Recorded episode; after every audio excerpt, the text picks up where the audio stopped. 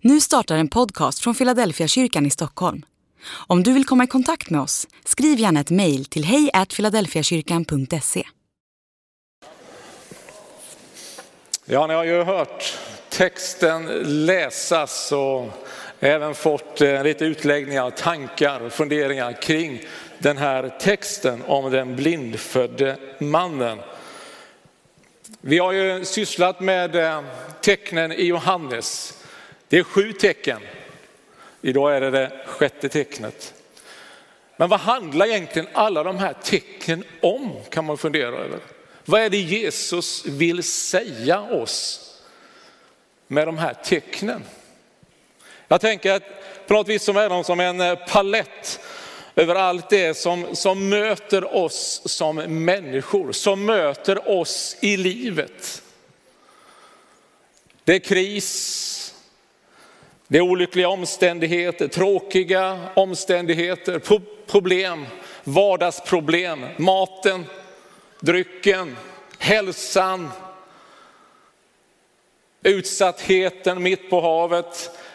Ja, men det rör på något sätt en palett av allt det vi människor möter i vårt liv, i vår vardag. Varför fixar man inte dryck till alla bröllopsgäster? Vem är det som har planerat den här bröllopsfesten egentligen? Vi möter vid ett tecken en eh, hög tjänsteman som i sin panik och ånger säger till Jesus, min son håller på att dö. Och jag tänker den här tjänstemannen, den här mannen, hög tjänsteman, tänker, ja, han hade nog ganska välbeställt. Han hade nog det mesta han kunde hålla kontroll över. Han kunde köpa, han kunde fixa, han kunde lösa saker och ting. Han hade makt, inflytande, möjligheter. Men nu stod han vid vägs ände och kände bara, det här kan jag inte lösa. Jag tänker det är som en spegelbild av vår pandemi, där vi på många sätt bara har stått vid vägs ände. Hela västvärldens läkarvård kände, här, vad gör vi nu? Om människor mitt i livet rycks bort.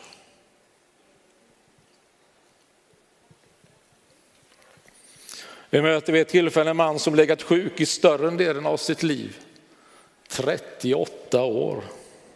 Vilket tragiskt livsöde.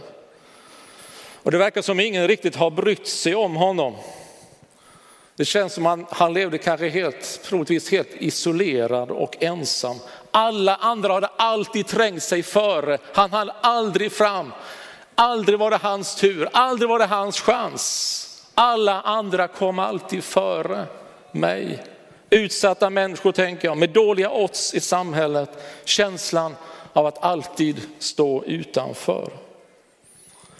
Vid ett tillfälle så möter vi där Jesus predikar och det samlas mängder av människor. 5 000 män förutom kvinnor och barn, hur många var det inte då? Det fanns inte resurser, det fanns inte mat. Hur ska det gå? Hur ska det räcka för min familj? Hur ska det jag har räcka till mina barn? Hur ska jag kunna betala mina räkningar? Och i det femte tecknet så, så möter vi lärjungarna i en väldigt orolig situation när man sitter i sin lilla farkost ute på, på sjön och tänker vi kommer att gå under. Det här kommer bli vår sista dygn, vår sista tillfälle. I Sverige är vi ganska förskonade vid naturkatastrofer, men jag tänker det händer på bred front om och om igen i hela vår värld. För mycket vatten, för lite vatten.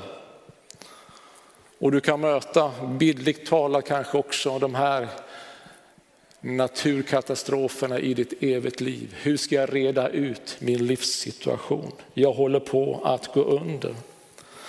Och i den texten vi, vi läste tidigare här så möter du den här blindfödde mannen. Och alla verkar bara förutsätta, nej men den här killen, han har gjort något galet. Här är det synd. Ja, och möjligtvis kan det vara hans föräldrar som har rört till det ordentligt. Det måste hänga med ihop med att detta är Guds straff. Men jag tänker, så ska man inte tänka om Gud. Och jag bara känner att du är här som har fötts med en begränsning i ditt liv. Och du undrar varför är jag född med den begränsningen? Varför händer det här mig? Synligt eller osynligt, fysiskt eller psykiskt. Men Jesus säger, det handlar inte om vad du har gjort dina föräldrar, utan att Guds härlighet kan få vila också över ditt liv. Och det sjunde tecknet som kommer nästa söndag, det handlar om Marta och Marias bror. En människa mitt i livet som rycks bort. Vad är meningen? Vad vill Bibeln säga, Guds ord säga oss om de här tecknen? På något sätt ändå så speglar det för mig en provkarta, en palett på allt det som kan gå fel, som allt det som kan drabba oss. Vi får inte så mycket svar. Men någonstans ändå ser vi att Gud i sin nåd är där mitt i den utmanande livssituationen. I krisen, på bristande planering, det var rörigt, men Jesus han var där och det blev en hel fest till slut ändå.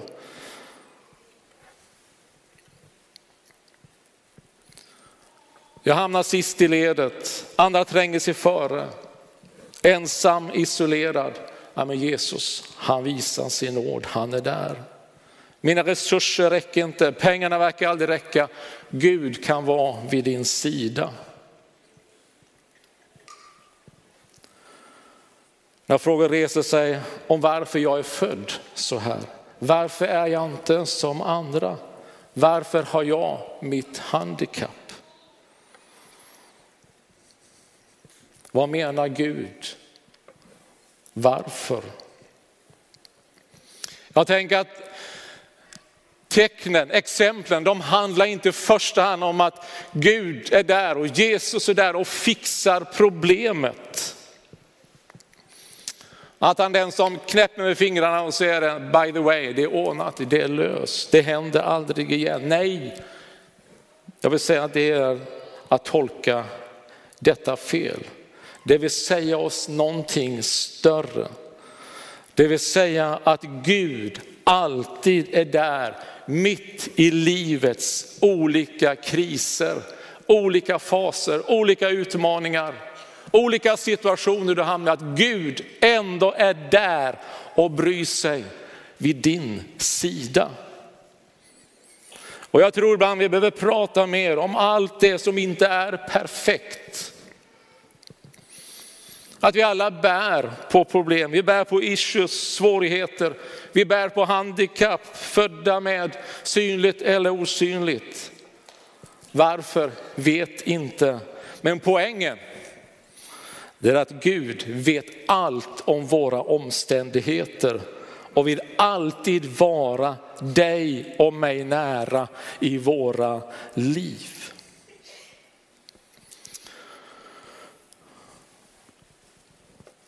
Jag har en, eh, en personlig berättelse om det också i mitt liv. Att bära på det som inte syns för ögat. Först vill jag säga att jag tycker det hedrar en av våra kungligheter, prins Carl Philip, när han går ut och säger dyslexi, det är mitt stora handikapp. Var modigt att gå ut och bara berätta detta och gå in i den frågan. Inte den ska identifiera honom, men att tala om det här lever jag med. Ingen kan se Carl Philip att han har liksom dyslexi. Ett problem som han har haft hela skolan och får bära med sig i vuxenlivet också. Att prata om handikapp som inte alltid syns. Jag har en personlig berättelse om det också. Jag är en stammare. Det här har jag inte berättat så många gånger.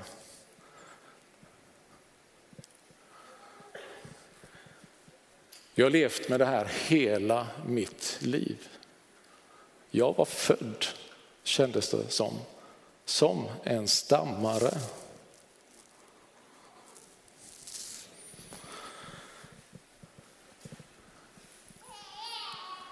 Mina föräldrar tänkte att vi ska göra allt vi kan för att hjälpa Sören att tala och prata bättre. Jag kände de satsade allt från första i årskurs ett, någonstans därifrån, så skjutsade min mamma mig. Hon lyssnade på webben tror jag, hon har sagt det, hon ska lyssna här.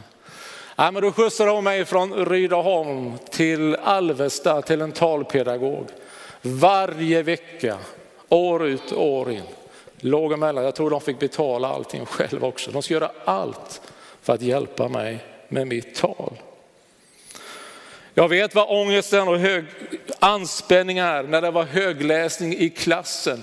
Man satt i texten och tänkte, när blir det min tur? Vilken konsonant, vilken vokal ska jag börja på? Hur kommer det låta, hur kommer det bli?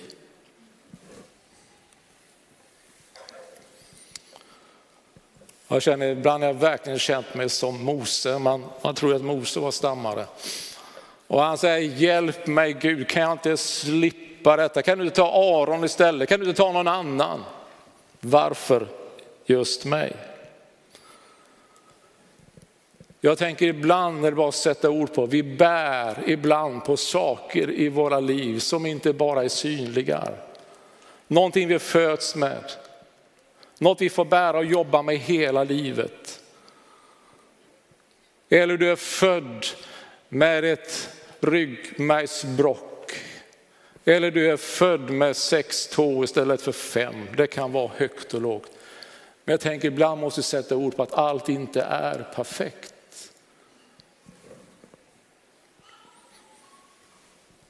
Men det bibeltexten säger, det är att i de situationen så är Gud där. Han sviker aldrig och han säger att Guds härlighet skulle på något sätt visa sig över den här blindfödde mannen. Och så är det tänker jag, i vår svaghet, i vår brist, då är Gud nära.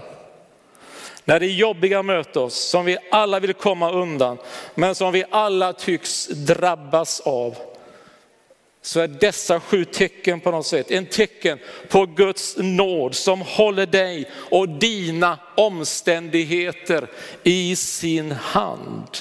Salmisten säger i 139, psalm 139, vers 5. Du omger mig på alla sidor. Jag är helt i din hand.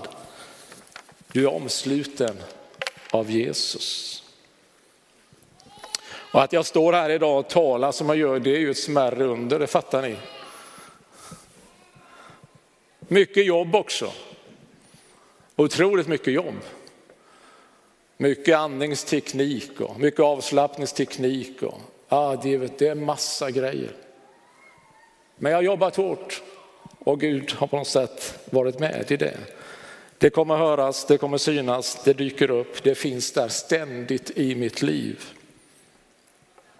Jag tänker brist, sjukdom, katastrof, medfött handikapp, död. Vi kommer inte undan.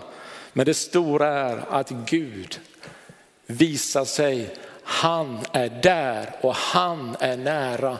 Alla dessa tecken bara lyser starkt att Jesus är där vid din sida. Vi är helt i hans hand. Vad vill då de här tecknen, vad är det symboler, vad vill det egentligen visa? Jag tänker att det är på något sätt som en, en vägskylt. Man sätter upp den för att den ska få peka på något viktigt. Något du inte får missa, något du behöver veta. Vad är tecknet i den här berättelsen om blindfödde mannen? Jo, att Jesus kommer. Vad kommer med sitt ljus? Han säger, jag är världens ljus och öppna ögon. Och det är som eh, Jesaja säger för 700 år längre tillbaka i tiden, att det är folk som vandrar i mörker ska se ett stort ljus över den som bor i mörkret mörkrets land stråla ljuset fram. Här i bibeltexten så sker detta. Och jag tänker det sker här i gudstjänsten. Säger Jesus, jag är världens ljus och vill öppna ditt inre öga. Gud har själv trätt in i den här världen av så mycket mörker, ondska och hat. Vi ser gängkriminaliteten i vårt eget land, i vår egen stad. Och vi påminns ständigt om kriget i vår egen världsdel, Ukraina. Och du min vän som är här eller lyssnar på webben ifrån kriget, tatte hit.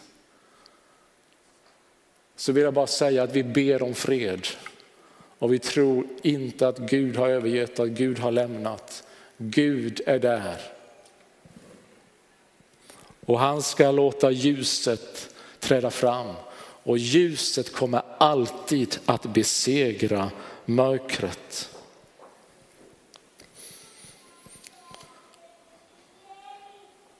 Jesus kliv in på världsarenan med ljus som övervinner mörkret, vänder hopplöshet till hopp, utanförskap och utstötthet till inkludering, till att vara en del i ett sammanhang, till hans församling, hans rike. Han vänder sorg till tröst och glädje. Detta är på något sätt vad tecknet handlar, vad tecken handlar om. Att Jesus vill visa, jag är världens hopp. Världens frälsare som kommer med ljus och som vill öppna ögon så att vi kan få se någonting mer. Vad är det vi då ska få se? Jo, jag tror det handlar så mycket om din inre värld. Du ska få se någonting nytt, du ska få se någonting av det osynliga. Men nu sa du, inte kan du se något osynligt. Absolut, absolut. Jag håller ju på en, rätt mycket med församlingens fastigheter och fastighetsutveckling i, inom Philadelphia. Nu har vi byggt om slottet och den här fantastiska kyrkan. Vi håller på att projektera i Tyresö. Ja, det här såg man ju innan lite grann faktiskt. Sen började man rita lite nytt och det andra också. Men jag tänker i Tyresö, nej men jag ser ju ingenting egentligen. Där finns ju ingenting. Men man jobbar ju med en arkitekt. De verkar se någonting. De drar lite streck, de sätter ihop strecken, de ritar in lite fönster, talar om här måste det vara lite facilitet av toalett och kök. Här måste det vara den här. De ser någonting i sina streck. Och till slut när de har bindit samman de här strecken och kanske lagt lite färg in på ritningen så klick säger det i skallen hos en ja men nu börjar jag ju också se det som inte finns. Ni fattar alla bilder haltar mer eller mindre. Men poängen är att du ska få se någonting nytt. Att Jesus öppnade ögon. Så att man får se någonting nytt. Att du kan få räkna med Jesus i ditt liv. Man kan säga att vi lever i en materialistisk värld. Vi är materialister, vi tycker inte riktigt om det, Det känns lite jobbigt. Men, ja, men någonstans, vi är rätt mycket det va? ändå. Upptagna med att se det vi äger, det vi vill ha, det vi vill resa till, det vi vill upptäcka.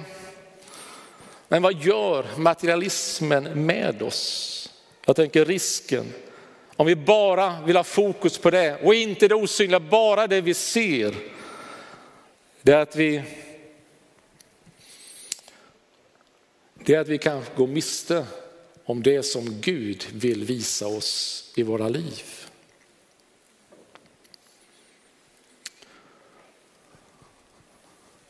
Det kan göra oss blinda i vår själ, i vår inre värld så att vi inte kan se det Gud har att ge.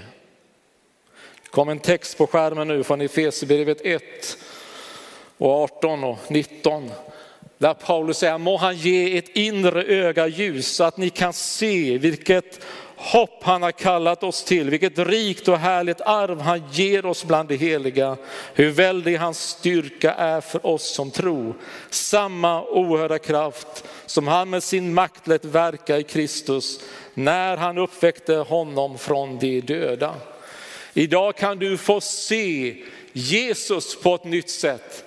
Han vill öppna ditt inre öga och ge sitt ljus in i din själ.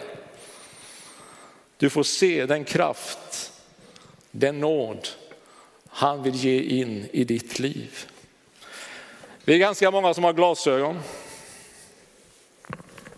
Det är en hel del som har glasögon där. En del av har linser, tror jag. En annan har nog opererat sig sådär lite extra och tänkte att jag varken har glasögon eller linser. Och någon har eh, ja, fått lite grumligt, det blivit starr så jag måste operera. Du vet, vi har de här eh, glasögonen. Men man behöver återkomma och göra en slags synundersökning om och om igen. Man behöver byta glas emellanåt, man behöver byta linser för att kunna se bättre. Men det finns ett själens öga, ett inre öga som Paulus säger, som bara Gud rår på att förvandla. Är det grumligt? Är det försvagat? Skärpan känner du finns inte riktigt. Han kan öppna ditt öga, kan göra din blick klar och ren igen. Kanske det är dags för en riktig synundersökning den här förmiddagen där Jesus får öppna på nytt igen ditt inre öga och låta sitt ljus få bryta fram i din själ.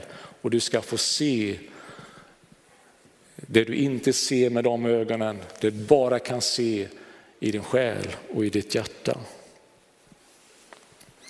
När Jesus trädde in i tjänst så citerar han ytterligare Jesaja i Lukas 4 och 18, det kommer också på skärmen här tror jag, att Herrens ande är över mig att förkunna befrielse för de fångna och syn för de blinda och ge de förtryckta frihet och förkunna ett nådens år ifrån Herren.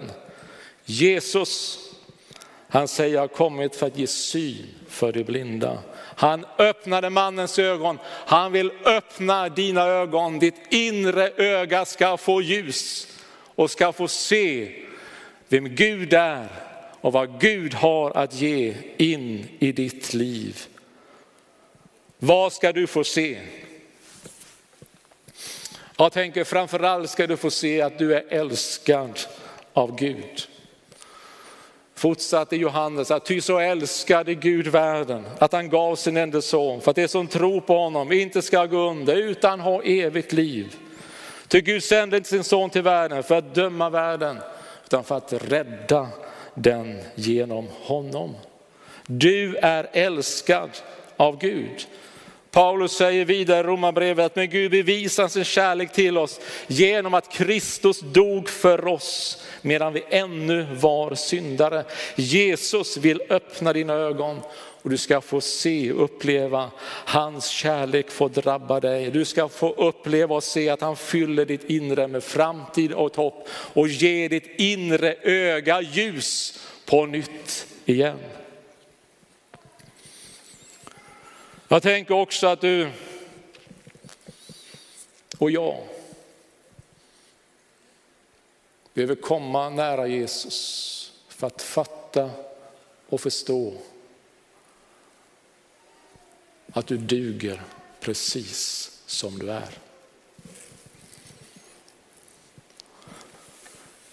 Paulus säger till Timoteus, lite yngre medarbetare, låt ingen se ner på dig. Det handlar om ålder, men jag tänker det kan handla om så många olika delar i ditt liv. Låt ingen se ner på dig. Det handlar om att få en rätt självbild. Att låta sig se och förstå att du är ett verk av Gud, att Gud har skapat dig, Gud har en tanke, Gud har en plan, Gud säger du duger precis som du är. Jag tänker att låt ingen sätta etiketter på dig. att du är sådan eller sådan, han är hon och den är sån och den är den. Nej, du duger precis som du är. Ditt handikapp, dina omständigheter, din livssituation, låt inte det få definiera vem du är. Du älskar av Gud, gränslöst, ovillkorligt. Och han säger du duger precis som du är.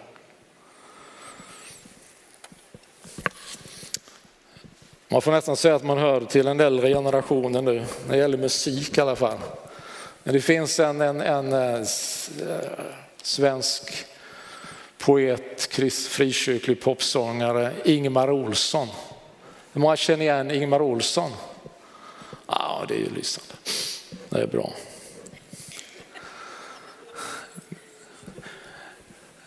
Han har skrivit rätt många sköna texter tycker jag. Och en säger att du vet väl om att du är värdefull, att du är viktig här och nu. Att du älskar för din egen skull, för ingen annan är som du. Och en annan lite mer svängig låt, men lust att sjunga den nästan. Frida Gullstrand hon är på tråden direkt när det gäller musik här. Hon tror att nu tar jag micken. Nej, jag ska inte göra det. Men han säger det finns så många sköna människor. En del är långa, andra korta, en del är tunna och andra är lite tjockare. Men alla har någonting att ge. Jag tänker att det är viktigt ändå att påminna om detta. Det du ska få se när Jesus rör vid ditt hjärta, det han vill att du ska få känna och uppleva, förstå i din själ, det är att du duger för den du är. Du är älskad av Gud, du är värdefull. Och låt ingen sätta liksom etiketter på dig, vem du är inte är. Se dig i perspektivet av vad Jesus har gjort för dig och in i ditt liv. I honom får du rätt identitet, i honom får du rätt självbild. Jag tänker att hela den här boken, det är en berättelse av hur Gud om och igen, om och om igen upprättar människovärdet. Hur han befriar människor från felvridna självbilder, att inte duga och inte räcka till. Att känna att man inte är älskad. Ofta skapar av ett samhälle som kvalificerar människor. Och ibland får vi säga, det har också hänt inom kyrkans ramar. Men bort allt det säger evangeliet. Bort allt det säger evangeliet. Du är villkorligt älskad och du duger precis som du är. Han vill ge ditt öga ljus att förstå och känna och uppleva. Gud är där mitt i dina omständigheter, kriser, utsatta situationer, brister, förkorta, förkortakommanden, tillkortakommanden, handikapp, synligt eller osynligt. Jesus säger, det är varken du eller dina föräldrar som har syndat. Men här och nu så kan Guds härlighet få vila över den mannens liv och över ditt liv den här förmiddagsstunden.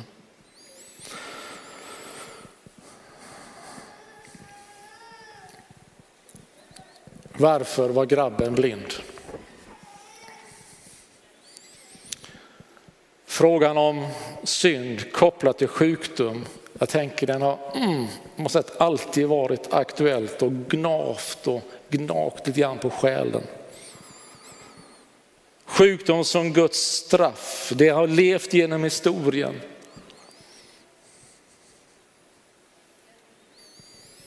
Beror inte ditt handikapp, beror inte din sjukdom, dina omständigheter, har du inte dig själv att skylla? Eller är det inte någon annan bara som har skapat de här dåliga förutsättningarna? Mamma eller pappa? Jag tänker att det handlar, vi söker ständigt det där svaret. Och på något sätt så, så bottnar det på något sätt i vårt behov att alltid få ihop ekvationen. Vi måste få ihop pusselbitarna. Men Jesus säger att er förklaringsmodell den håller inte, den stämmer inte. Vad beror det på att jag var född som stammare? Vad beror din dyslexi, din psykiska, fysiska handikapp eller ohälsa synligt eller osynligt. Jag har ingen bra förklaring. Men det Bibeln säger, det Jesus säger, det handlar inte om vad dina föräldrar har gjort eller inte gjort. Det handlar inte om du själv, att det är ett Guds straff. Nej. Men det Jesus säger och det Guds ord säger, att där mitt i vår utsatthet, där är Gud nära och där vill han låta sin härlighet få vila över våra liv. Sök aldrig svaret på din sjukdom, medfödda missbildning, olycka, det som drabbar dig i Guds straff. Sådan är inte Gud. Varför händer det? Vet inte. Bara det att vi lever i en bristfällig värld. Men en dag så ska Jesus träda in på världsarenan igen. Då kommer en ny himmel och en ny jord där ingen sjukdom, sorg och smärta finns mer. Snart får lyssna på en sång om Jesus. Jag tänker att det hoppfulla i texten, det är att Jesus stannar vid den unge mannen och han pratade med honom. Ja, han gör några tricks, man undrar vad håller han på med egentligen. Liksom. Han spottar, han fixar en deg, han klener det här, alltså går och bada efteråt. Han kunde ju fixat det här tycker man på något sätt innan. Jag har inte svaret på det. Men en tanke. Men en tanke. Det var att det var en väldigt närgången behandling han fick den unge mannen. Och jag tänker att idag kanske Jesus behöver komma lite närmare dig. Intimiteten med Jesus kanske behöver sträcka sig ett steg till. Kanske har haft det lite på avstånd, lite distans. Låt Jesus få komma nära dig den här förmiddagsstunden. Han vill röra vid ditt liv, han vill öppna ditt inre öga och ge ljus in i ditt liv. Det är inget fribrev, det är inget quick fix att allt ordnar sig, allt löser sig. Vi får jobba en del med våra utmaningar i livet. Men ett vet jag, att här och nu så stannar Jesus vid dig. Och han lockar dig och känner för att komma lite närmare in i ditt liv. Låt Jesus komma nära. Öppna ditt hjärta, tanke och sinne och låt ditt inre öga få ljus.